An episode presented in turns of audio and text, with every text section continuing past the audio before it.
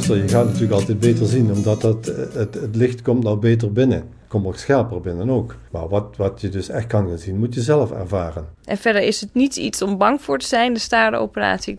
In Nederland zijn we heel geroutineerd erin. Eh, het is een veilige operatie. En als de dokter aandacht voor u heeft en even het moment heeft om met u te praten, dan, dan is het iets waar u goed voorbereid uh, naartoe kan gaan en uh, voor u het weet weer buiten staat. Het gaat er tegenwoordig wel om in ziekenhuizen dat je zelf heel goed weet wat je wil en waar je naartoe wil. Ja.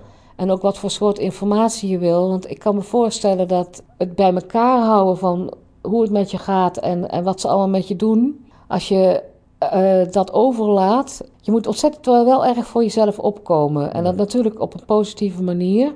Met Jacques Stijvers, Jolien de Jager en Karen de Vos praat ik in deze eerste aflevering van deze nieuwe podcastserie In en al Oog van de Oogvereniging over staar. Jacques Stijvers en Karen de Vos ondergingen allebei een staaroperatie en vertellen waarom en hoe dat was. Jolien de Jager is oogarts en werkzaam in oogziekenhuis Zonnestraal in Lelystad. Maar laten we beginnen bij het begin. Wat is staar eigenlijk? Het antwoord op die vraag geeft Jolien de Jager. Staar is een natuurlijk verouderingsproces van de lens, waardoor die minder helder wordt of minder goed zijn werk doet, minder goed functioneert. Meestal is dat minder helder, maar soms kan dat ook uh, minder goed brekend zijn. Dat het licht niet meer mooi op één punt wordt gebundeld. Je gaat dan waziger zien, of soms zelfs dubbel zien met één oog, of uh, verstrooiing merken van licht. Dus heb je hinder met een laagstaande zon. Dat zijn allemaal aspecten van staar, maar daardoor functioneer je minder goed. En dan kijken wij, als je bij de oogarts komt, of het aan de lens ligt. En als dat dan zo is, dan noemen we dat staar. Is dat vaak het geval? Ligt het vaak aan de lens? Ja, het ligt vaak aan de lens. Als je die ingangsklacht hanteert die ik net noemde. Hè. Er zijn mhm. natuurlijk andere dingen die je kan hebben met je oog. Je kan ook rechte lijntjes krom zien. Nou, dan weet de oogarts van dat is geen staar. Dat is bij, meestal geen staar. Dan is mhm. die kans veel kleiner. Maar als het wazig zicht is en je komt van een bepaalde leeftijdscategorie, dan is 1 en 1 wel een beetje 2 en dan komt er meestal staar dan uitrollen. Ja. Het zijn meestal mensen die wat ouder zijn die staar hebben. Ja, bij uitzondering kun je ook geboren worden met staar. Dat is, heel, dat is wel bijzonder. Maar als je met een heldere lens geboren bent, kan het soms zijn dat je als je 40 of 50 bent al ontwikkeld, uh, als staar al ontwikkeld. Maar dat zijn wel uitzonderingen. Hè. Dus meestal is dat 65, 70 of, of nog wat ouder. Ja. En als je dan staar blijkt te hebben, wat doe je dan als oogarts? Eigenlijk begint het daar allemaal mee dat je vast moet stellen samen met de patiënt of er functionele beperkingen zijn. Zijn er echt beperkingen in het dagelijks leven? Dingen die mensen leuk vinden om te doen, maar die ze niet goed meer kunnen doen? Hebben ze er last van? Er zijn ook een boel mensen met een hele, hele troebele lens, maar die nergens last van hebben. Dan hebben ze wel staar, maar dan doen we er verder niks mee. Het begint met een probleem. Als het probleem er niet is, dan vinden wij dat bijzonder om naar te kijken, naar die lens, maar dan doen we niets. Nee. Nee, je gaat niet mensen aanpraten van u moet echt iets aan uw lens doen. Nee, absoluut niet als die lens alleen maar zijn effect heeft op het zicht. Er zijn daar ook weer uitzonderingen op. Soms mhm. kan een staar ervoor zorgen dat er een verhoogd risico is op acuut glaucoom, is een andere aandoening. En dat is een medische aangelegenheid die we ten alle tijde willen voorkomen. En dan kan het bij uitzondering zo zijn dat iemand die geen last heeft van de staar, we toch willen overtuigen een staaroperatie te doen. Ja. Maar dat zijn de uitzonderingen. Voor de meeste mensen geldt, als je geen last hebt, hoef je er niks mee te doen. Waarom moest Jacques Stijvers een staaroperatie ondergaan? Omdat de lens van mijn enig werkbare oog helemaal vertroebeld was. Ik ben eenzijdig blind en het andere oog is uh, met beperkt gezichtsveld door de glaucoom. Is, was de, de lens vertroebeld. En omdat die lens vertroebeld was en je glaucoom had, was het noodzakelijk om een staaroperatie te ondergaan? Ja, dat was de enige oplossing was dat nog. Op een gegeven moment was die lens troebel. Heeft dat heel lang geduurd voordat het zo was? Is dat een lang proces geweest? Ongeveer vijf jaar heeft dat geduurd. Dat komt dus ook, ik heb uh, eh, 13 jaar geleden ook nog een glaucoomoperatie gehad, ook. En die, die melding van die vertroebeling van de lens, dat begon een jaar of vijf geleden, dat de specialist in Maastricht dat constateerde. En toen was het al duidelijk van, er moet op een gegeven moment moet er iets gaan gebeuren. Ja, in eerste instantie vonden ze me te jong, 70 jaar. Maar ik heb toen gezegd van, je kunt het beter nu op tijd doen. Als dat je ouder wordt, is het uh, de periode van herstel kan dan langer duren. En dat, dat klopt dus ook. Nou gaat het vrij snel. Oké. De operatie zelf, de operatie, is niet een hele ingrijpende operatie. Nee, dat klopt. Maar bij mij zit er dus een behoorlijke uh, voorgeschiedenis, omdat er nog een centraal scotoom in het oog zit, een bloedprop. En die is een aantal jaren is die vrij actief geweest, dat het zich verplaatste naar het centrum van het oog. Dus eh, dan was het wel uh, vrij riskant eigenlijk. Dus het was in jouw geval toch wel een riskante operatie? In principe wel, ja. Ik heb me er ook erg druk over gemaakt van tevoren, maar dat was helaas niet nodig. Nee, want um, ja, je zat natuurlijk, de dag natuurlijk van uh, als dat maar goed gaat. Dat bedoel ik, ja. Dat was de grote vraag. Ja, ja. En de onzekerheid wat je dan hebt. Ja. Karin de Vos onderging ook een staaroperatie, maar wel aan twee ogen en onder één narcose. Nou, dat was op mijn verzoek. Want ik uh, heb niet zo'n beste verhouding met narcoses. Ik dacht, dan hoef ik maar één keer. Maar het tweede punt voor mij was dat ik alleen leef. En dus hulp moet organiseren voor het druppelen van mijn ogen. Een maand lang. En ik denk, ja, als ik dat uh, oog voor oog doe, dan moet ik dat dus twee keer ook weer doen. En dat is, dat is eigenlijk ontzettend lastig. Dus ik heb het gewoon uh, bij de oogarts aan de orde gesteld. En wat zei de oogarts daarvan? Nou, van, ja, in eerste instantie van, ja, dat doen we niet. En toen waren we nog even aan het praten. En toen zat hij, denk ik, te denken. En toen zei ik, nou ja, ah, nou ja, eigenlijk in jouw geval zou het eigenlijk best kunnen. Ja. En, toen, en toen zei hij ook nog, nou ja, in Amerika, als mensen ver weg wonen, doen ze, doen ze het soms ook wel. Dus uh, ja, waarom wij niet? Maar uh, de anesthesie moet het goedkeuren. Nou, die zeiden dus in eerste instantie natuurlijk ook nee. En toen had ik uitgelegd waarom ik het dus eigenlijk wel graag had. En toen uh, zeiden ze aan het eind, nou ja, voor deze keer. Ja, want wat, wat, was eigenlijk de reden om te zeggen van de oogarts en van de anesthesist van, we willen het niet? Waar, waar het natuurlijk eigenlijk voor is, is dat ze natuurlijk maar één oog. En als ze dan iets verpesten, dan verpesten ze dus maar één oog. En dan heb je in ieder geval het andere oog nog, uh, nog over. En dat moet dan even rusten. En dan, dan doen ze nog een keer een operatie. Maar, en ook omdat als jij nog wat beter ziet, wat, wat ik, dan ik natuurlijk deed. Als je wat beter ziet, dan kun je met dat andere oog nog het een en ander doen. Tijdens dat het eerste oog ja. aan het recoveren is en andersom. Maar ja, ik dacht, ach, een paar dagen wat minder zicht, dat overleef ik wel. Dus dat eh, vind ik dan niet zo erg en dat, het trok langzamerhand wel bij. En ik heb me de eerste dagen natuurlijk toch rustig gehouden. Eén en al oog. Wat houdt zo'n operatie in? Een staaroperatie, hoe gaat dat? De essentie is dat we de verouderde, vertroebelde lens verwijderen. Jolien de Jager. Naar het zakje. Er zit een heel flinterdun zakje om de lens. Mhm. En die hangt met draadjes helemaal rondom, hele fijne draadjes, hangt onze eigen lens in ons oog. En het doel van de operatie is de lens te verwijderen, maar dat zakje heel te laten. Want dat zakje gebruiken we dan weer om het nieuwe kunstlensje in terug te zetten. Dat maken we aan de voorkant open. We rollen het kunstlensje op, zodat het door een wondje van 2 mm kan. Dus allemaal super klein. En dan kunnen we dat lensje inbrengen in een soort opgerolde staat. En dan brengen we dat in dat zakje in en dan vouwt hij zich, dat lensje vouwt zich, rolt zich dan weer uit. En op die manier kun je, um, hoef je niet te hechten of te lijmen, maar blijft dat lensje heel mooi precies daar zitten waar het voormalige lensje ook zat. Oké, misschien een rare vraag. Dat uitrollen van dat lensje, duurt dat lang? Dat hangt een beetje van het materiaal af van de lens. In sommige gevallen gaat het echt binnen 1, 2 seconden. En soms 10 seconden, maar niet veel heel veel langer. Dat verschilt een beetje Soms moet je even wachten totdat hij zijn, uh, zijn pootjes heeft uitgestrekt, zeg maar. En het gebeurt meestal onder een plaatselijke verdoving.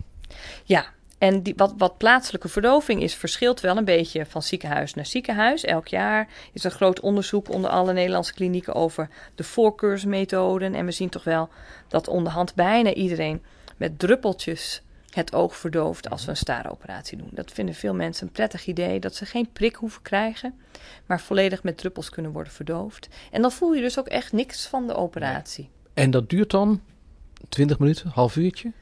Alles bij elkaar? Als je ook de voorbereiding erbij telt, dus je komt binnenwandelen, dan moet je oog moet verdoofd worden, de pupil moet verwijt worden.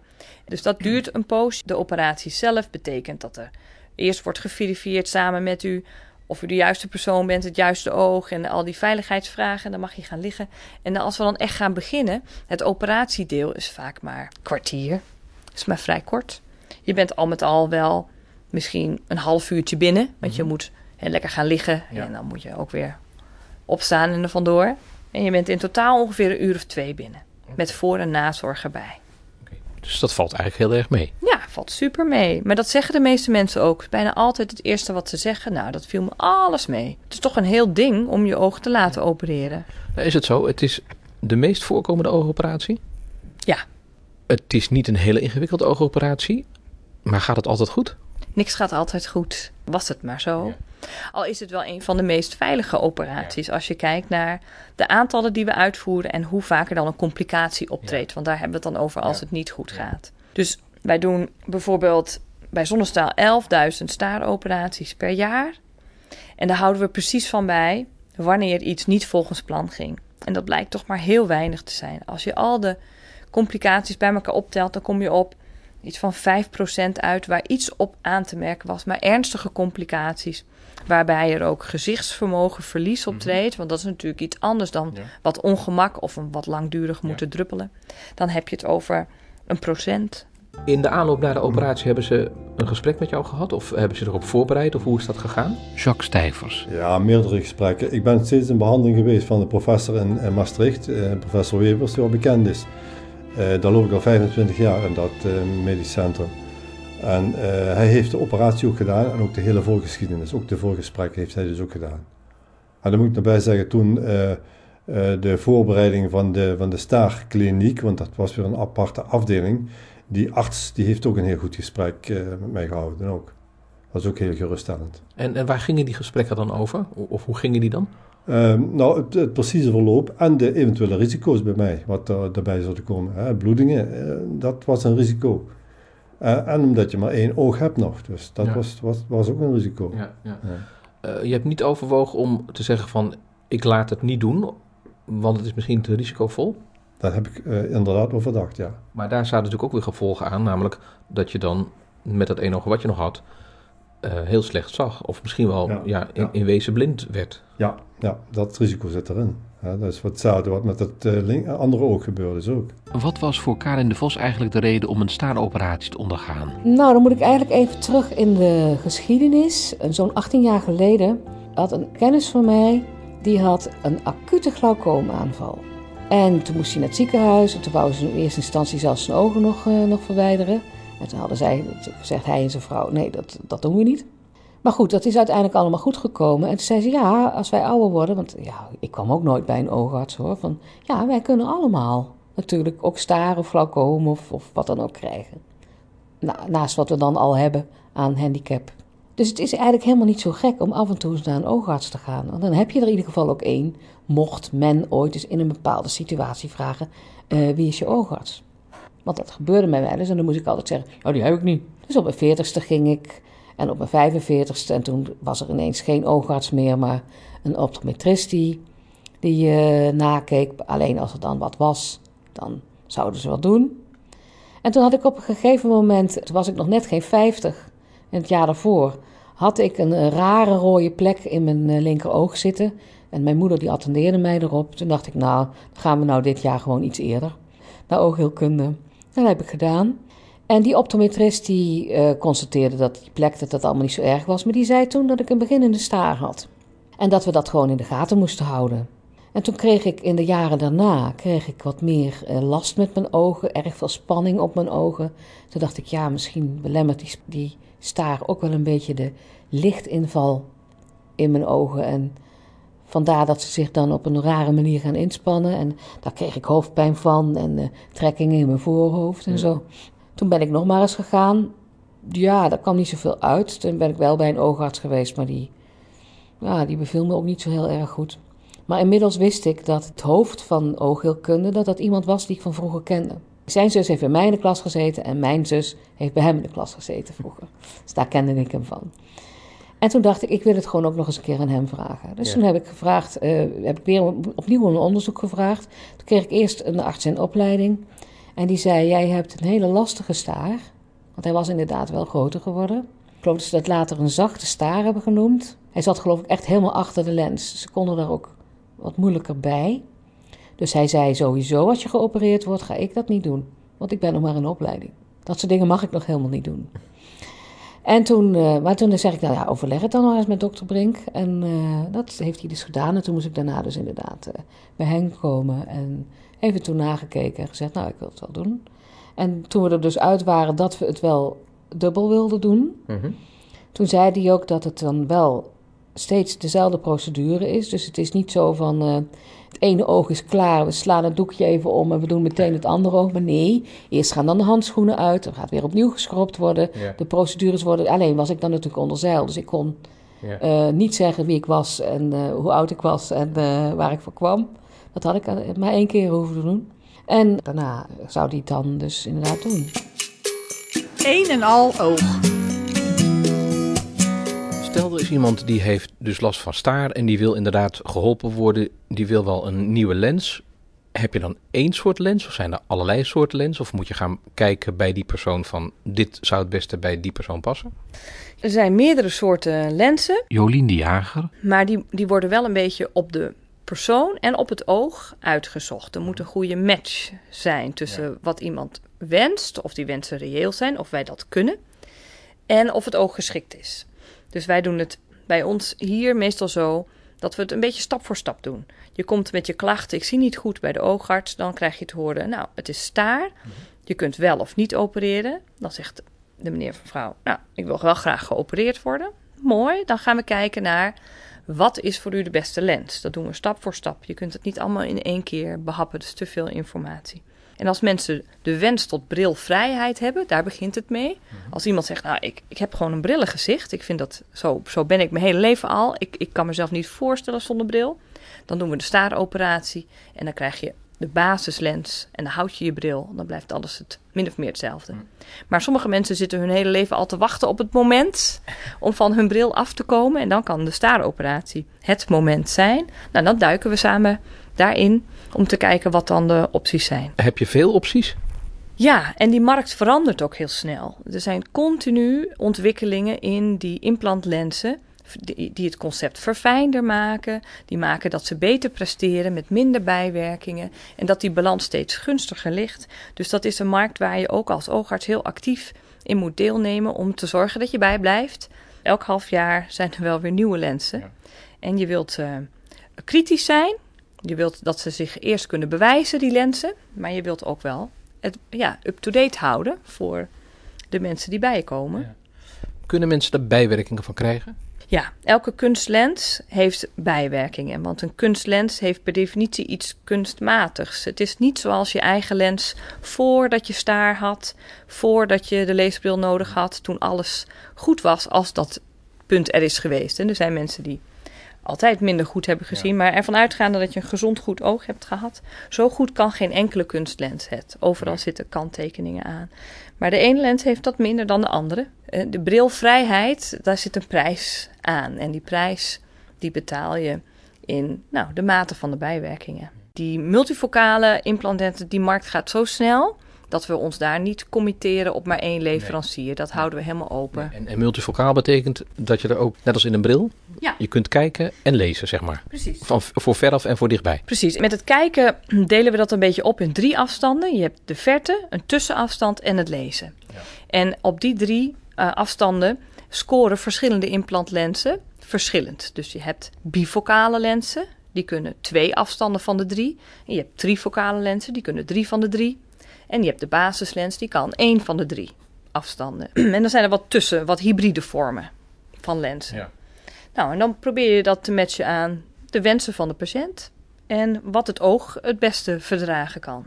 En hebben ze voordat die operatie plaatsvond ook met jou gesproken over van wat voor lenzen erin gingen doen? Karin de Vos. Hmm, heel even. Zo van, nou ja, ik doe gewoon een uh, plus één lensje erin. Want ja, bij mij maakte dat toch niet. Het, ging er maar in, het ging er maar om dat er een lensje in kwam. Ik weet wel dat ze dat natuurlijk bij mensen die nog iets meer zien, dat ze daar natuurlijk iets zorgvuldiger mee doen. Maar ja, met dat restvisesje van mij was dat eigenlijk niet zo heel erg uh, van belang. Dat was ook niet de reden om je te laten opereren, hè? Nee. Dat was meer de reden was meer van wat je al zei van. Uh, je had een beetje last van je ogen, hoofdpijn, ja. spanning, dat soort dingen. Ik ken een uh, blinde man, die is er te lang mee blijven lopen. En die had zo'n verharde staar. En die heeft het dus wel per oog gedaan en met plaatselijke verdoving, dat ze met één oog anderhalf uur bezig waren.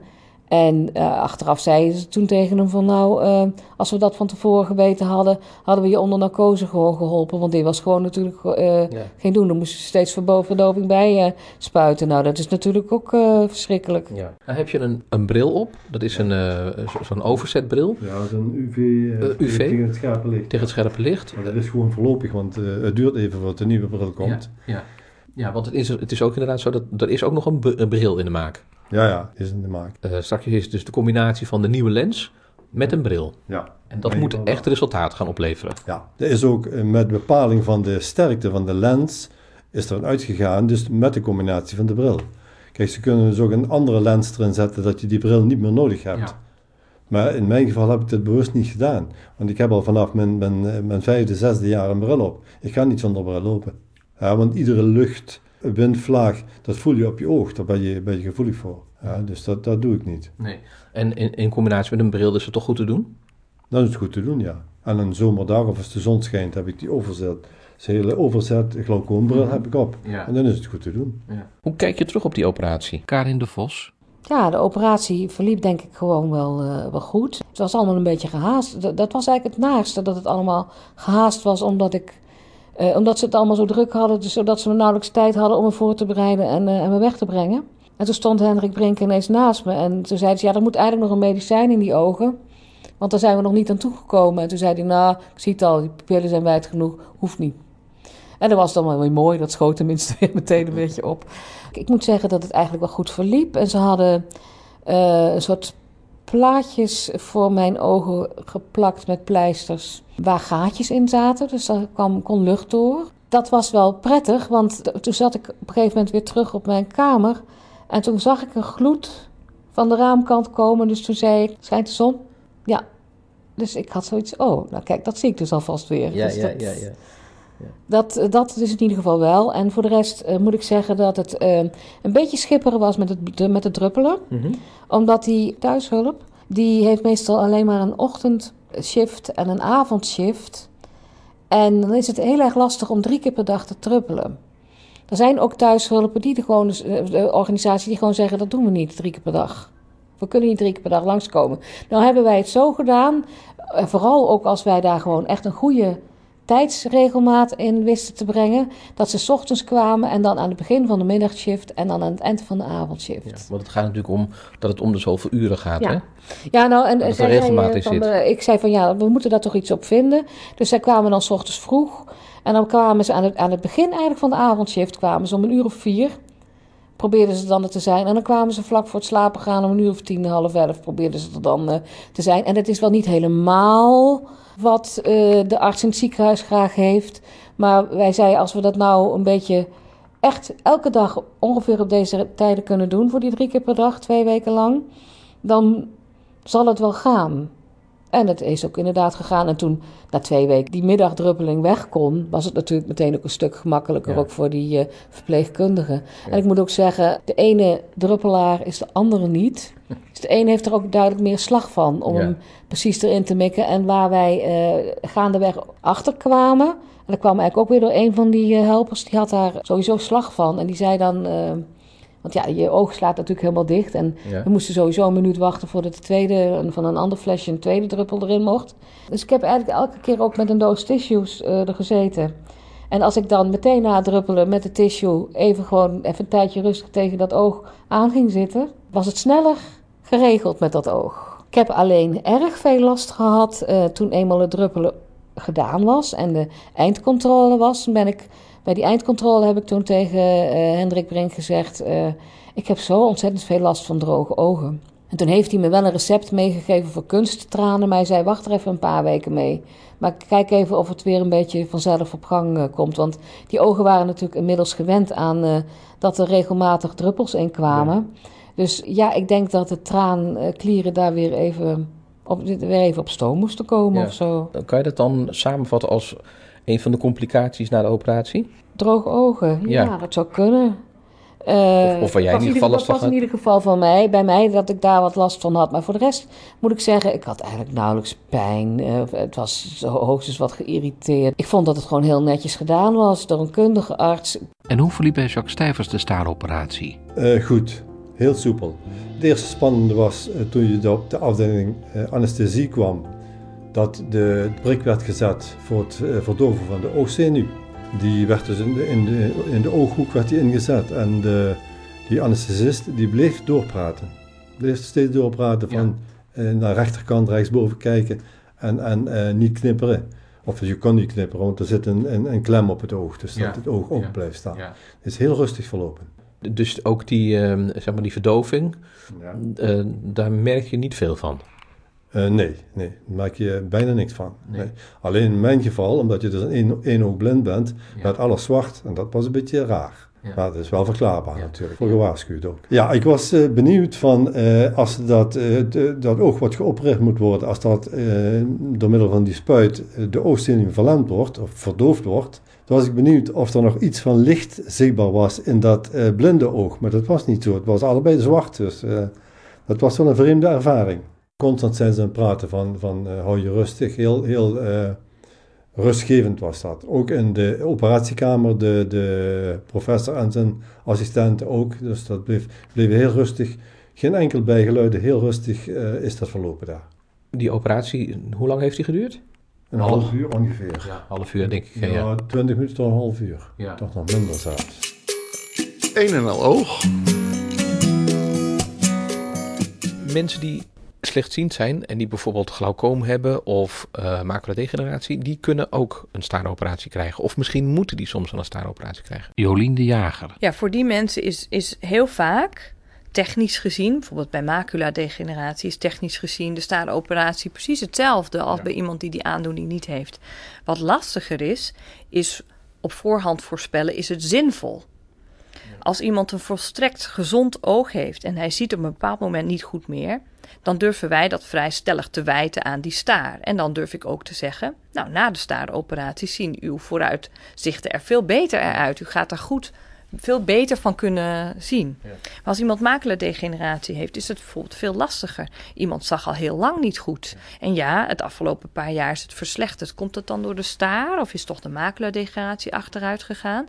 Dan durf je veel minder stellig over de uitkomsten, de zin, de winst van de operatie, moet je heel voorzichtig zijn. Dus die balans ligt anders. Bij glaucoom is het soms zo dat we een noodzaak zien om de staar te verwijderen, om meer ruimte te maken in het oog en daarmee de oogdruk te verlagen.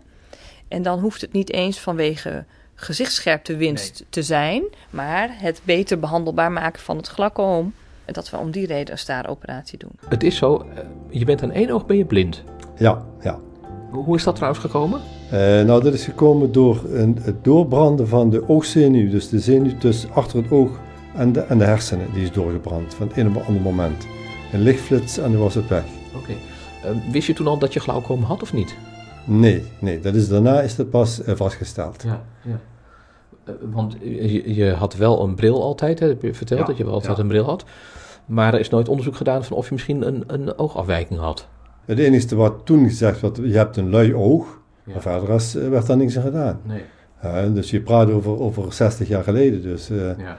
Ja. was die ontwikkeling nog niet zo. Nee. Karin de Vos. Het gaat er tegenwoordig wel om in ziekenhuizen dat je zelf uh, heel goed weet wat je wil en waar je naartoe wil. Ja.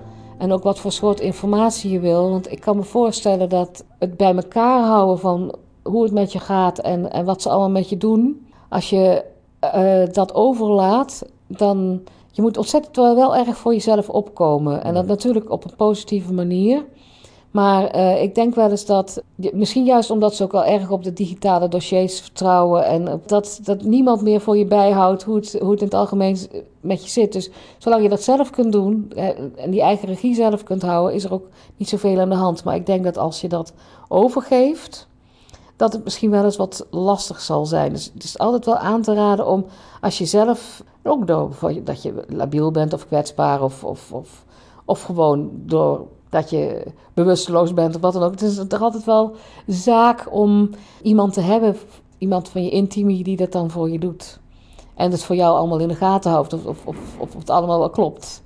En ja, ik heb het natuurlijk nu zelf kunnen doen, in de gaten houden of alles wel klopt. Maar dat kun je dus niet... Um, dat is niet iedereen gegeven. Dat is niet iedereen gegeven natuurlijk. En ja, dan is, een, dan, dan is een ziekenhuis natuurlijk echt een fabriek. En dan moet je toch wel voor goede huizen komen, wil alles wel goed in de gaten gehouden worden. Dan denk ik, daar ben ik dan toch echt wel graag nog even zelf een beetje bij. Eén en al oog.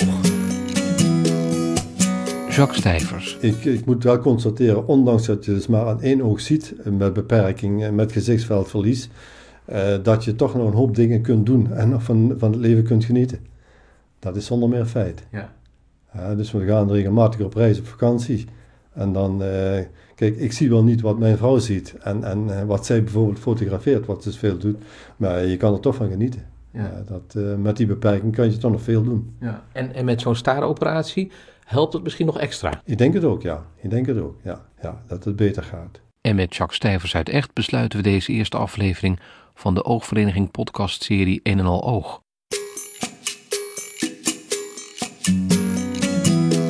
Daarin hoor u verder nog de stemmen van Karen de Vos uit Den Bosch en oogarts Jolien de Jager, verbonden aan Oogziekenhuis Zonnestraal in Lelystad. Een en al oog werd gemaakt door Martijn Vet, Carlijn de Winter, Bobby en mijn naam is Krit Wilshuis van Tekst in Zicht Audio. Wat ons betreft graag tot de volgende 1 en al oog